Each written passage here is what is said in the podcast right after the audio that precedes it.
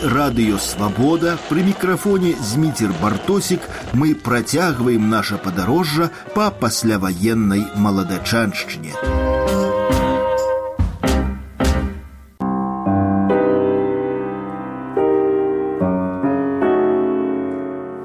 Леакадія Радкевіч, стрыечная пляменніца Сцяпана Мятліцкага, асуджанага на 25 гадоў лягераў за бандытызм, распавяла мне, што ягоныя сваякі могуць жыць у ракаве.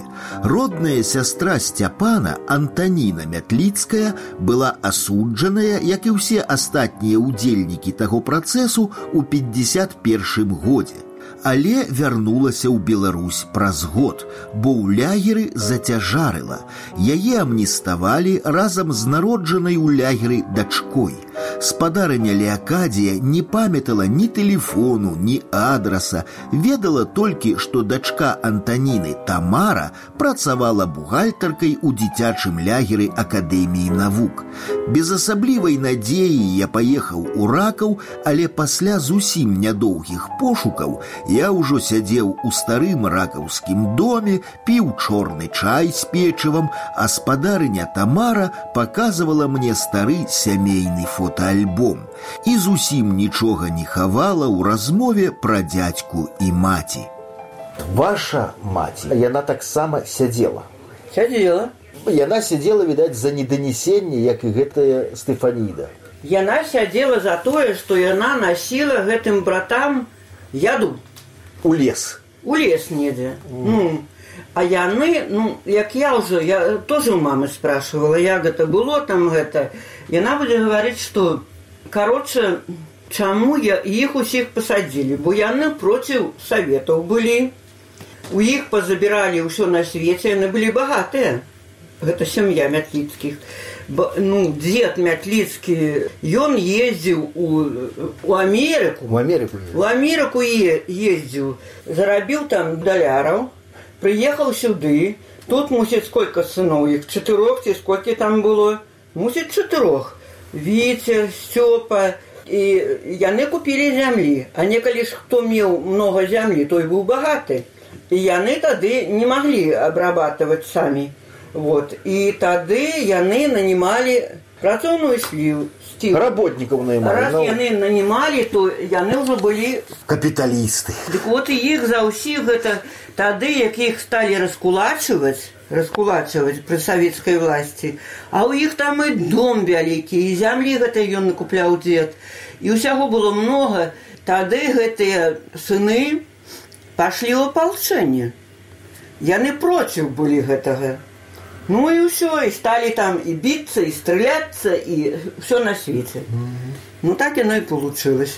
Это все браты пошли? Вот. Да, mm-hmm. да, все браты. Як дакладна спадарыня Тамара назвала тое рушанне, куды пайшоў яе дядька, апалчэнне пагадзіцеся быць пляменніцай апалчэнца гэта не тое самае што сваячкай бандыта чым болей слухаю сваякоў тым больш разумею што вымусіла мятліцкіх у тое апалчэнне ісці яны ўсе абразаванне имели потому что дед дед даў ім абразаванне яны у вільні вучыліся адзін з іх который в Вильне был Костя, ён был наставником. Ну, Костя. Ён был наставником. А тады, як стали гэтых уже стралять там, э, э, шукать гэтых братов, ён вылазил с окна. Вылазил, как бы, уцякаў. Угу. Яго застрэлілі тады, гэтага Костю. Падчас вот. гэтай засады. Да, да, да. Іх же усіх уже стали, ну, а гэты, который Степа, который сядзеў 25 год, ён адсядзеў конкретно. Конкретно 25 лет ён сядзеў. Потому что ён тады ўжо прыязджаў до нас у ракаў сюды, ўжо такі ну, ну такі які ён уже стары быў. А гэтых гэтага настаўніка застрэлілі, ён з акна вылазіў, а ён не, вообще ніякога не меў дачынення. Да апалчэння. Да, ён ніякога не меў. Ён проста са сваёй хаты стаў уцікаць. Вот, яго тады застрэлілі, а гэтых Вітя там быў і яшчэ нейкіх ну іх застрэлілі. Вось ужо сапраўды свой лёс не падманеш. Адзін брат, які не пайшоў ні ў які лес, загінуў ад шалёнай кулі падчас аблавы на свайго ж ляснога брата, які адбудзе цалкам 25гадовы тэрмін і яшчэ пажыве пасля лягера. Спадарыня Тамара адшукала фатаграфію сцяпана, напэўна, лягерную. На тле драўлянага плота стаіць яшчэ не стары чалавек у ватоўцы і аблавушцы, хударлявы, але відаць моцны. Вусны сціснутыя ў нядобрай усмешцы, вочы падрапежніцку прыжмураныя. Харызма такая, што за такім апалчэнцам сам у апалчэнне пойдзеш. Прыгажу. Да, тады ён як адсядзеў, Ён до нас прыязджаў сам. Ён быў з барадой. Падаркі прывозіў, ну такі не нам судзіць. За што іх садзілі? Яны проці ўласці пашлі. Дзе ён сядзеў, ён там і астаўся недзе з нейкай жанчынай жыць. А где он сидел, вы не помните? Не. Мордовия. О, И он сидел в Мордовии? да. Ён у Мордовии И был. всех перевели в Мордовию политичных. Даже потом, когда пришла, э, ну, сообщение нам, ну, какое-то там, это что он умер, вот, ну, приезжайте, кто туды поедет, он даль. Мая суразмоўца нарадзілася ў лягеры, але каб успомніць, як называецца месца яе нараджэння, Тамары давялося зазірнуць у пашпарт. Вы народились в 52 годе Да. в лагере. Да, А где был ваш лагерь? не знаю. А в паспорте не записано? Записано. Записано? Краснобаковский район. Город Сибирь. Краснобаковский район. Да. Город Сибирь.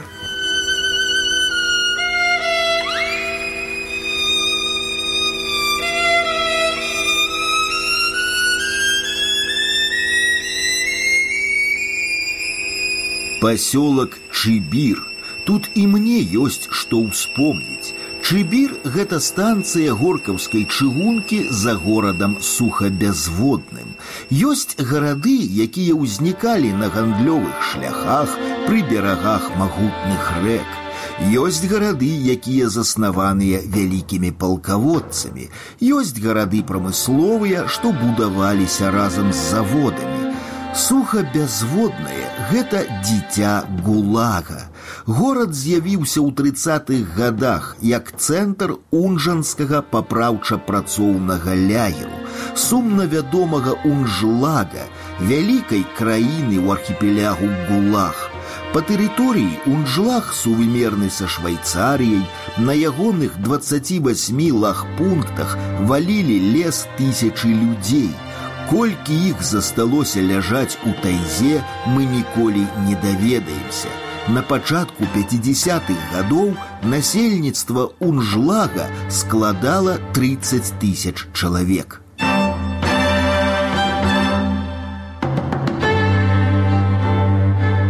Пра унжлак я ўпершыню даведаўся, калі вучыўся ў ніжагародскай тэатральнай вучэльні падчас гарбачоўскай перабудовы. Тады праўда пра вялікі тэрор аглушала і п'яніла адначасова. П'яніла, бо ў паветры штодня здавалася болела свабоды і здымкі сатлелых баракаў і ржавых паравозаў у тайзе здаваліся чымсьці назаўжды пройдзеным страхоццем. І менавіта тады для мяне смешная назва на мапе сухабезводная перастала быць смешнай. Ад яе павеяла змрокам і безнадзейнасцю. Тады у 86 я нават уявіць не мог, што калі-небудзь пабываю ў гэтым сухабязводным.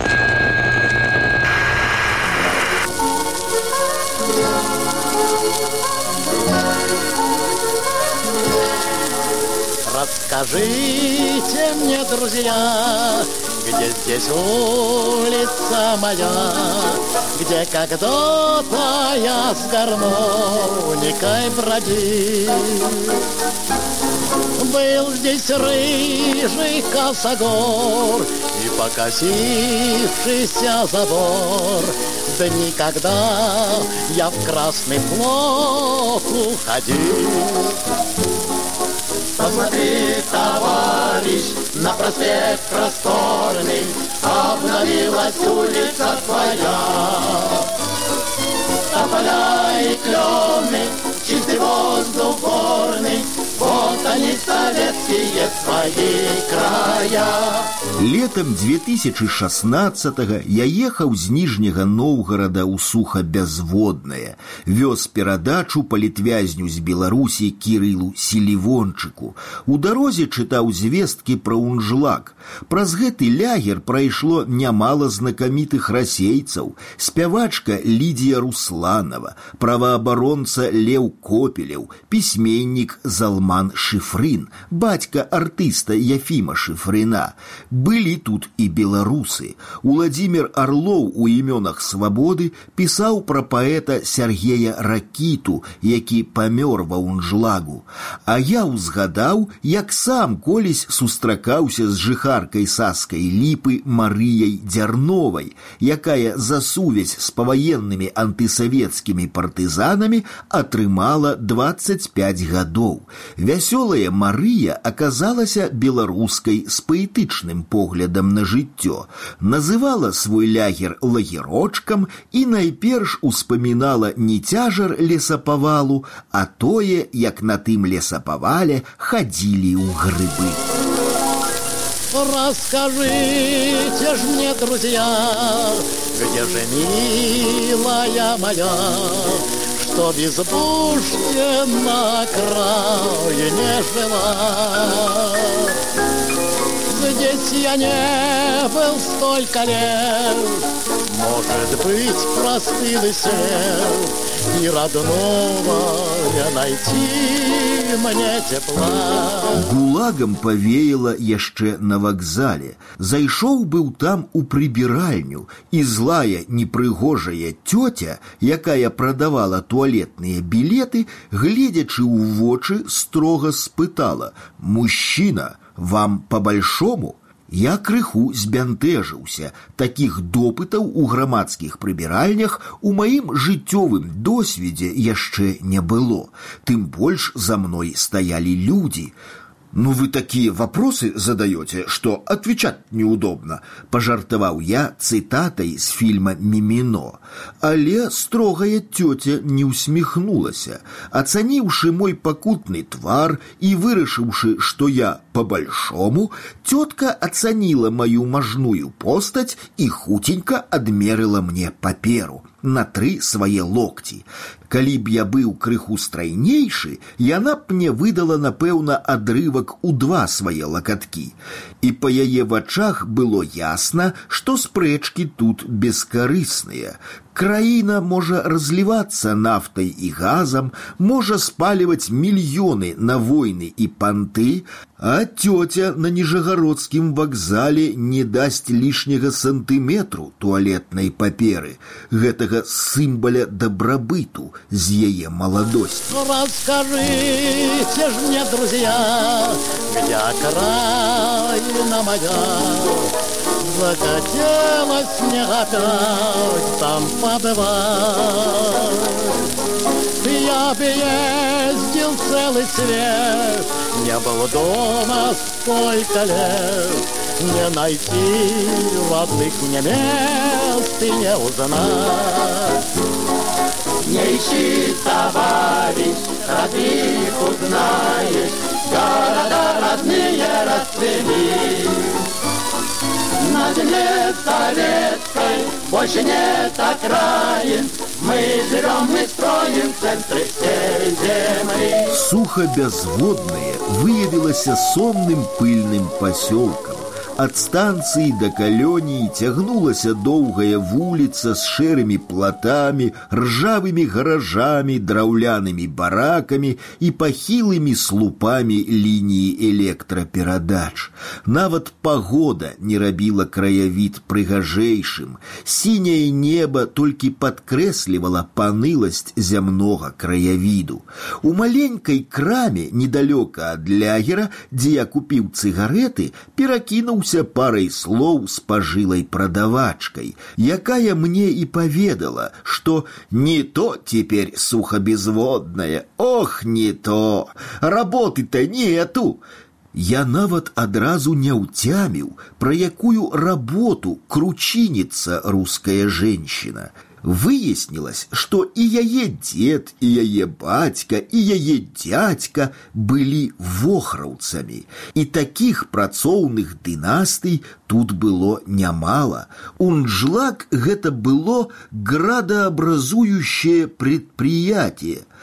Раньше-то со всего Союза тут сидели, горюнилась старушка. И с Украины, и из Белоруссии, и из Прибалтики – у мяне ад яе нараканняў пабеглі дрыжыкі. Жартаваць цытатай у жлучы вык нам зусім не хацелася. Саюзная дзяржава ў нас ужо ёсць, жаданне паработаць у нашчадкаў вохры яшчэ не прапала. Што ж павінна адбыцца, каб беларусы ўцямілі, што іх тут чакаюць, па іх тут сумуюць, іх можна сказаць, любяць. Няўжо, каб засвоіць назаўсёды простую ісціну любі сваё, прыйдзецца паўторна здаць гэты іспыт, яшчэ раз нарадзіцца на станцыі Чыбір.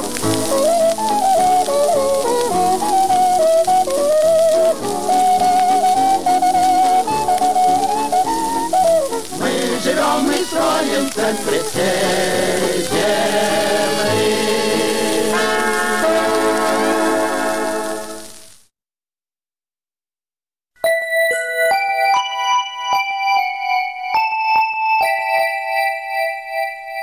Падкасты радыёвабода. Мова пра мову з вінцуком вячоркам.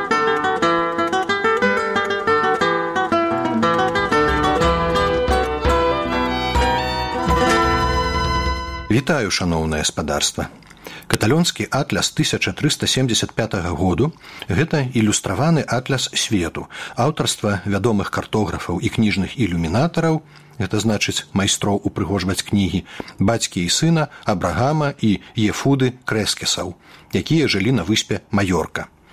Атляс катала укладзены для падарунку французскаму манарху каралю шостаму.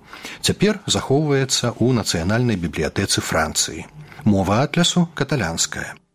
Шэсць аркушоў пергаменту на драўляных панелях, складзеная ў гармонік, па-мастацку ілюстраваныя, у тым ліку золатам і срэбрам і з геральдычнымі выявамі. Атляс масток ад ранейшых алегарычных і часта фантастычных мап пемундзі па-лацінску мапаў свету да геаграфічна дакладных парталянаў мапаў узбярэжжаў і партовых гарадоў вельмі патрэбных капітанам.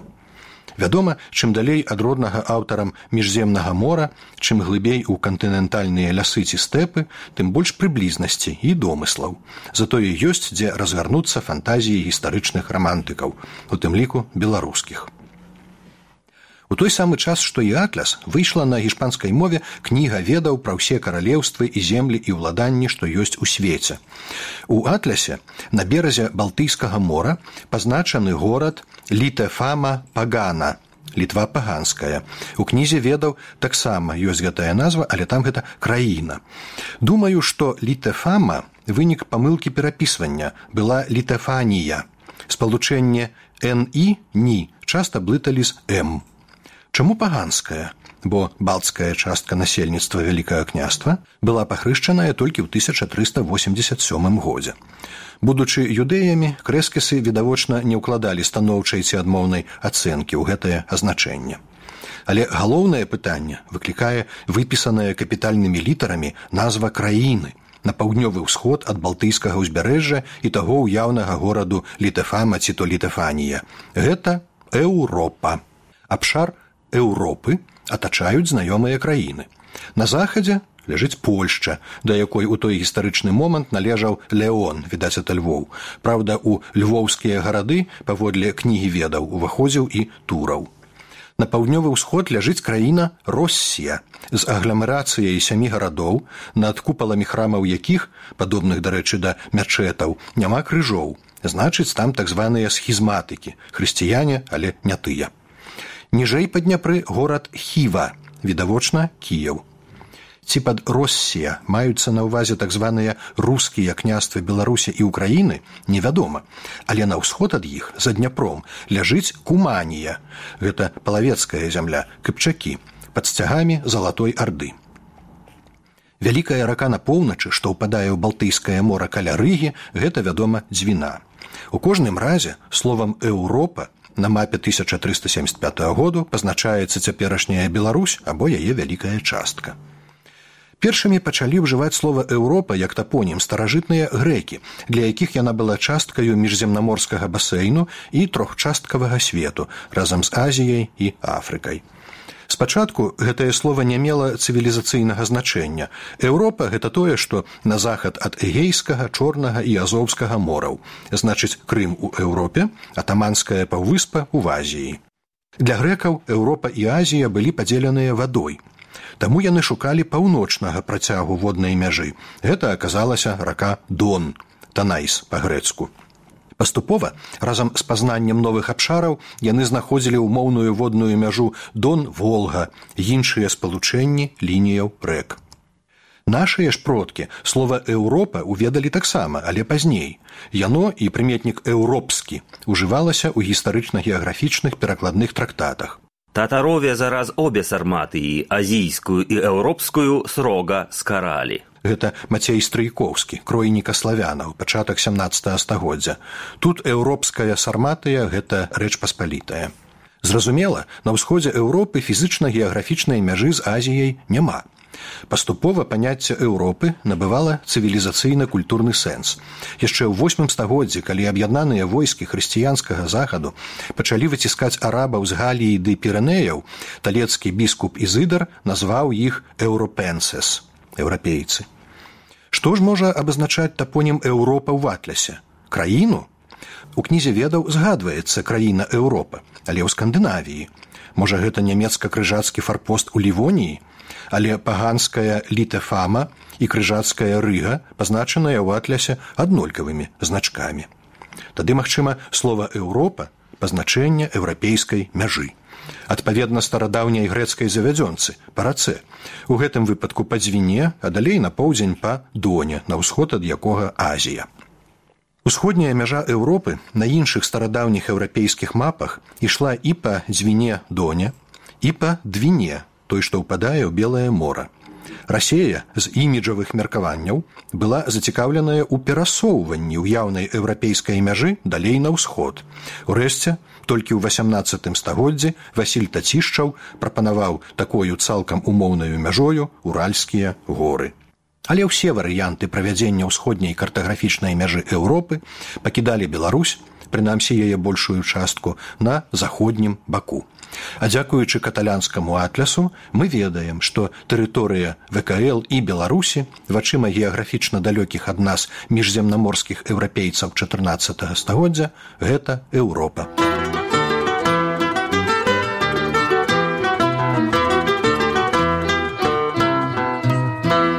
Мы ўжо разважалі пра нечаканыя для беларусаў тапанімічныя знаходкі ў каталёнскім атлясе 1375 году.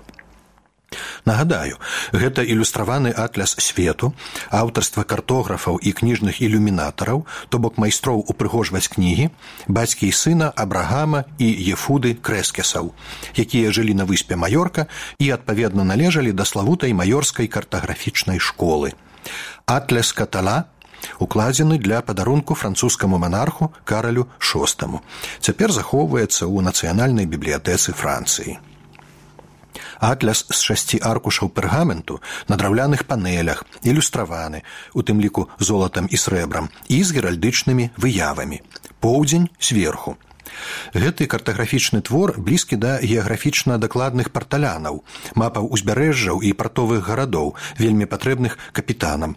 Сапраўды ў атлясе ўзбярэжжы паказаныя даволі дэталёва і відаць адпаведная эпося дакладна Тагачасныя картографы міждзяржаўных межаў не паказвалі, а палітычная прыналежнасць зямлі ці гораду тут пазначаецца сцягам ці гербам.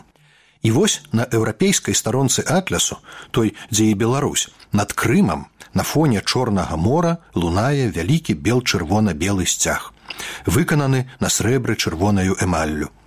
Адкуль ён над пераважна крымска-татарскім, а да таго грэцкім і гоцкім крымам. Няўжо яго там паставілі нашыя чумакі, што хадзілі ў крым пасоль, ды там і засталіся, але ж іхныя валы. з Криму їдуть, стаєрикають. З Криму їдуть, стаєрикають. Подешене караку под'їжджають. З Крыму едуць, тайрыкаюць, пад шынкарку пад'язджаюць. Значыць, вярнуліся такі ў Беларусь.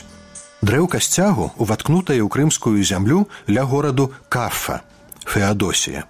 З 13 па 15 стагоддзя кафа, як і шэраг іншых гандлёвых паселішчаў на крымскім узбярэжжы належала генуэскай рэспубліцы, прычым кафа была акурат сталіцаю газарыі, шматлікіх валоданняў генуі на чорным моры, у тым ліку цяперашніх балаклавы і сочы. Часткова генуя адваявала пасля бізантыйскую спадчыну канкурэнта венецыі. Кафу перадаў генуі ў валоданне мангухан намеснік залатой арды ў крыме. Ханы давалі калоніям поўнае самакіраванне хаця канфлікты бывалі. Насельніцтва добра ўмацаваных і багатых генуэскіх калоніяў было поліэтнічнае і талерантнае. Генуэскія місіянеры пашыралі тут хрысціянства. Апякун генуі святы юры сан-джорджо сан-зорзо па генуэску срэбны рыцар на чырвоным шчыце генуэскі герб адпаведна сцяг генуі як і належыць і як яго выявілі крэскісы чырвоны крыж святога юр'я на белым палатне такі сцяг поруч з чырвона-залатым бізантыйскім у ватлясе відаць над канстантынопалем які дажываў апошнія дзесяцігоддзі перад турэцкім нашэсцем картограф так абазначыў генуэскую калонію галата над затокай залаты рог рэха назвы галата у назве стамбульскай футбольнай каманды галата сарай А бел чырвона-белы трохпалосны над феадосіяй варыянт святаюраўскага. Вось такая даўняя агульнаеўрапейская традыцыя аказваецца спрадвеку прынамсі з 14 стагоддзя вядомая і нашаму рэгіёну да якога належалі і беларусь і крым. Прышлыя здалёк генуэсцы часткова сплылі, а часткова асіміляваліся, а крымска-татарская дзяржава не раз бывала саюзнікам вялікага княства ў тагачасных геапалітычных перыпетыях.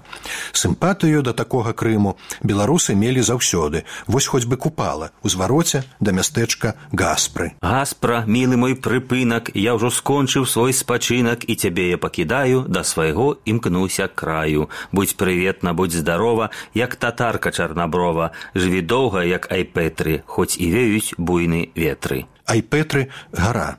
Гэта 1923 год, але і ў 14 стагоддзі Крым належаў да кола адначасова міжземнаморскай і цэнтральнаеўрапейскай цывілізацыяў, пра што сведчыць бел-чырвона-белы сцяг над ім у каталёнскім атлясе. З вами быў вінцук вячорка.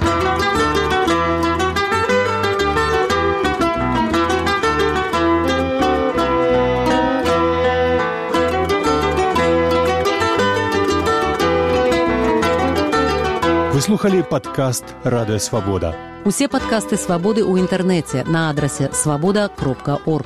Штодня, у любы час, у любым месцы, калі зручна вам. Свабода кропка орг. Ваша свабода.